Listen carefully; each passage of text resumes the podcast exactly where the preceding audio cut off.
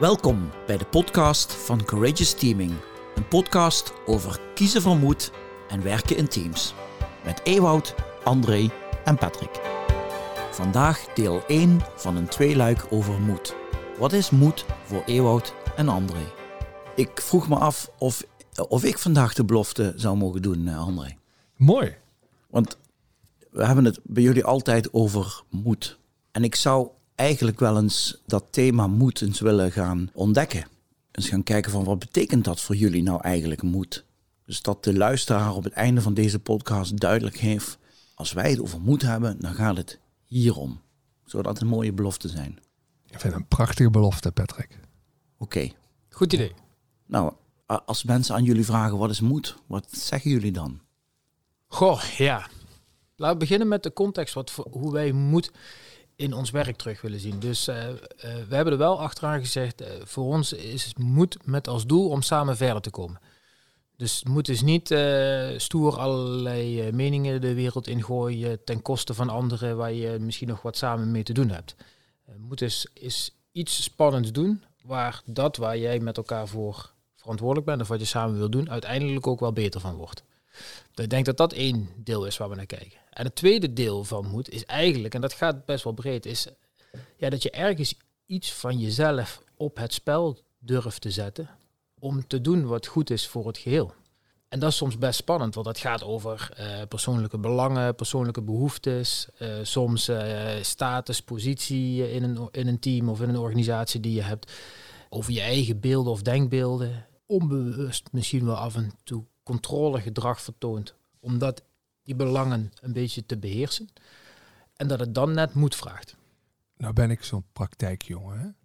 En dus ik vind dat dat mooi eh, verwoord heeft. Ewout, mag ik jou een vraag stellen?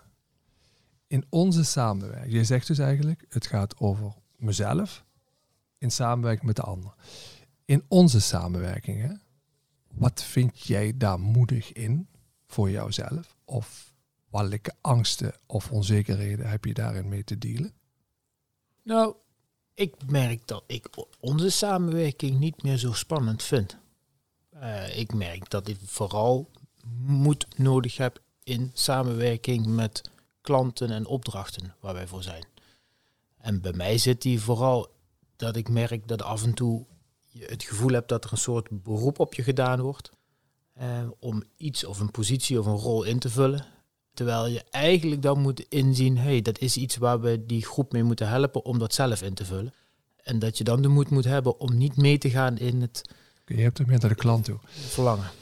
Ja, ik heb het wel dat ik die samenwerking van ons, dat ik daar eh, moedige dingen in zie en ook onzekerheden in ervaar.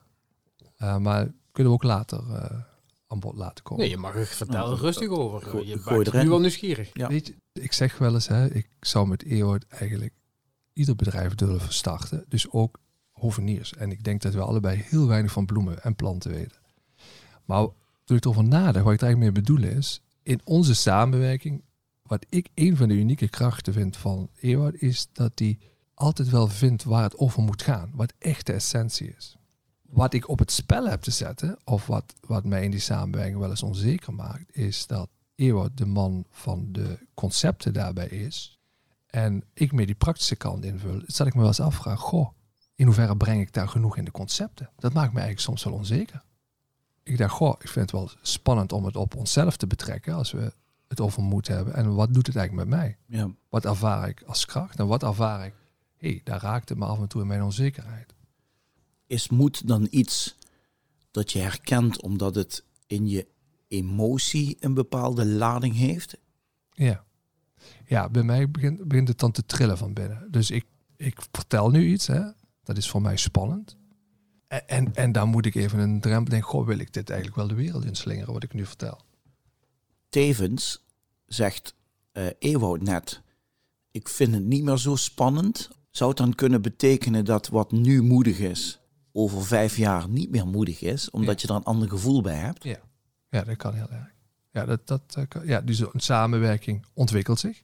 Er zitten constant verschillende fases in. Dat zou ik zeker herkennen. Je triggert me natuurlijk wel. Daar ben ik wel weer nieuwsgierig naar. Je zegt een situatie wat je, die jij spannend vindt in, af en toe in onze Ja. samenwerking. Echt moedig is om dan ook de echte angst zorg, pijn die daarachter zit in de ogen te kijken. Ja. Dus wat is die? Dus dat zal ik een voorbeeld geven. Dus Ewout die schrijft prachtige boekjes namens ons over moed. En ik denk dat er een diepe wens achter zit. En dan denk ik, goh, daar start ik niet mee. Dat lever ik niet in, in onze samenwerking. Dat breng ik niet. En Ewout vraagt mij vooral, denk dat is mijn angst die ik onder ogen heb te zien van als hij klussen heeft, van om, of ik nog creatieve en praktische ideeën heb. Dus ik word vooral aangesproken in onze samenwerking, zo ervaar ik dat op mijn praktische kant. En denk goh, heb ik daar iets te doen aan die conceptuele kant? Of heb je iets te doen aan de acceptatie van je eigen sterktes? Ja, kan ook. Dus het interessante van moed is het onder ogen komen van, goh, wat is nou de echte angst die daarachter zit? Want alleen dan kun je hem overwinnen. Ja. Is dat dat je, dat je dan voor jezelf het gevoel hebt dat, je, dat we geen gelijkwaardige bijdrage hebben? Of dat je... Dank je. Dus ja, dat, dat is het haakje. Dat ervaar ik natuurlijk met jou, maar dat ervaar ik ook met mijn klanten.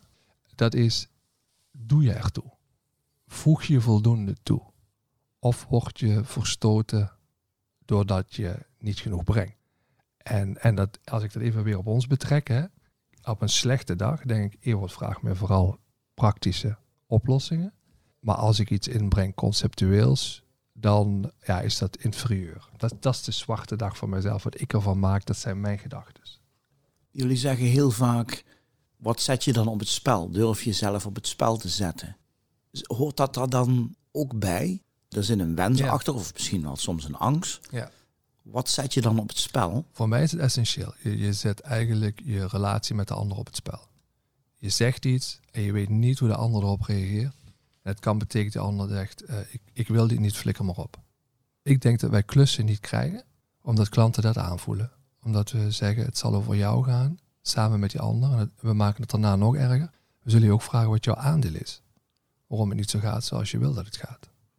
Daarmee, kom je, daarmee zit je dus, ja, kom je onder de huid.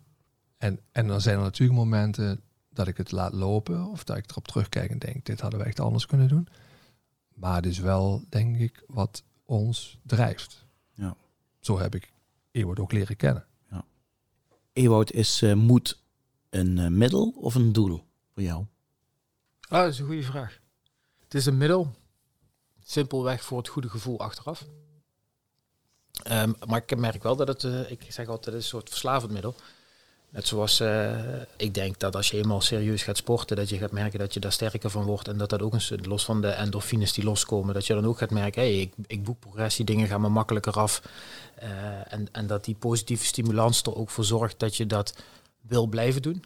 En zo heb ik ook wel het moed, moedig, moedig tonen, moedig te doen, gedragen ervaren. Dat als je gaat merken, hé, hey, ik heb soms allerlei gedachten van, oh, wat zou er gebeuren als? En dat zijn allerlei nou, spannende ideeën. En dat op het moment dat je dan kiest om toch daar moedig in te handelen en dat blijkt niet waar, dan is het net alsof die spier ook een beetje sterker wordt en die effecten, dat je dat goede gevoel hebt. En dat is ook wel ergens wel een beetje verslavend daar.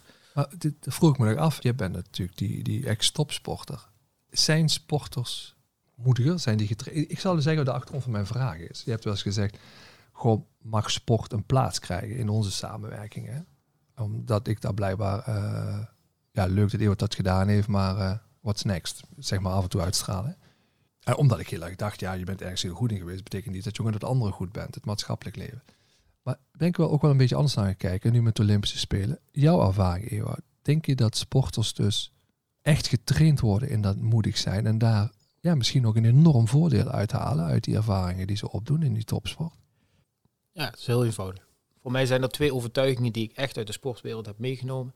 Dat ene is, als je ergens echt goed in wil worden, dan moet je er zo, het zo leuk vinden dat je er eigenlijk niet mee kunt stoppen om het te doen. En het tweede is dat je continu de moedige keuzes moet durven nemen. Oftewel, steeds de keuze moet durven nemen om eh, de uitdaging aan te gaan. Om in iets te stappen wat je nog niet kan. Om Dus ook om de koude realiteit onder ogen te zien. ook Kun je daar eens een voorbeeld van geven in jouw eigen carrière, waar jij dat soort momenten Nou ja, in lijn eigenlijk met wat jij net zegt, dat is misschien wel een mooi voorbeeld. Toen ik net in de eredivisie ging handballen, keek ik ontzettend op tegen hele creatieve spelers. Die van alles konden met een bal, die zelf situaties helemaal creatief konden oplossen. En dan wilde ik dat ook. En ik voelde mezelf niet volwaardig teamlid als ik dat niet zou kunnen. En op een bepaald moment heb ik voor mezelf geaccepteerd en onder ogen gekomen, maar dat is niet mijn kwaliteit. Mijn kwaliteit is snelheid, hard werken en op zo'n manier doelpunten maken. En op het moment dat ik dat kon accepteren, dat ik de moed had om de, die realiteit onder ogen te zien, maar dit is wel mijn sterkste kant, kon ik die ook gaan uitbouwen en mijn, mijn carrière ook wel een vlucht. Dus ik denk dat moed in, in ons werk bij klanten ook vaak betekent, durf je de onplezierige realiteit gewoon onder ogen te zien, zoals die is. Want dan kun je er ook mee dealen. En dat betekent ook als individu. Even, dat zou mijn vraag zijn, weet je, net aan jou. Wat is het ergste wat er kan gebeuren? Weet je, hoe erg is het? Ik denk juist dat er heel veel kracht zit in onze samenwerking, doordat ik misschien iets conceptueler naar dat soort dingen kijk en jij juist het heel uh, praktisch kan maken, aan kan laten sluiten bij de klant. Uh, het zorgt dat we verbinding houden, dat, het, dat we naar buiten gericht zijn. Ja. Mag ik erop inhaken? Wat ik dan interessant vind, hè, dus blijkt, dat zit voor mij een andere uitdaging, wat je dan te doen hebt, of het nou in die sport is, waar Ewa zegt, de een is de harde werker en is dan snoei. Want volgens mij ben je op een gegeven moment topscorer geweest en had je de reputatie dat je alles erin gooide, vanuit die krachten die je net beschrijft. Maar blijkbaar moet er dan ook in het team ontstaan dat de werker zich net zo gewaardeerd, even als ik die naam zou gebruiken, als dat al klopt, de werker in het team net zoveel waardering ervaart als de creatieveling. Volgens mij heb je het dan aan dansen. Maar je hebt ook iets, denk ik, ook dat is weer iets wat je te accepteren hebt. Als ik, als ik terugkijk die ik heb mij ontzettend gewaardeerd gevoeld binnen mijn team. Ehm, maar ik was niet degene die, waar de, de meeste journalisten voor kwamen. Of uh, die als er een uh, interview gegeven moest worden naar voren gevraagd werden. Of die bij grote wedstrijden speler van de wedstrijd werd. Op, op een paar uitzonderingen daar gelaten. Omdat ik niet degene was van de meest spectaculaire acties. Ja, dat is ook iets. Dat is ook weer moedig dat je dat onder ogen weet te zien.